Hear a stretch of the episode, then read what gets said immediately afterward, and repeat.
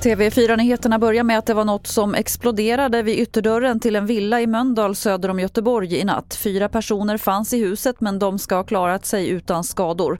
Det är oklart om det finns någon hotbild mot de som bor där och polisen har i nuläget ingen misstänkt för dådet. Nu på morgonen ska nya fredsförhandlingar inledas mellan Ukraina och Ryssland i Istanbul. Ukraina vill framförallt komma fram till en vapenvila medan Ryssland kräver att Ukraina inte ansluter sig till Nato.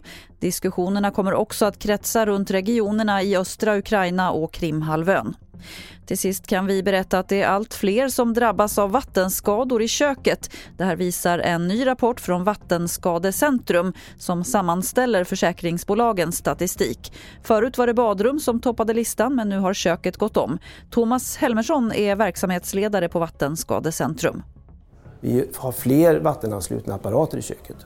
Det innebär att vi har fler ledningar till de här vattenanslutna apparaterna. Det blir mer fogar, eh, skarvar som kan läcka.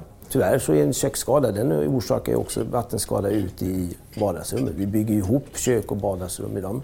Så det blir ganska omfattande och stora skador. Och fler nyheter finns på tv4.se. Jag heter Lotta Wall.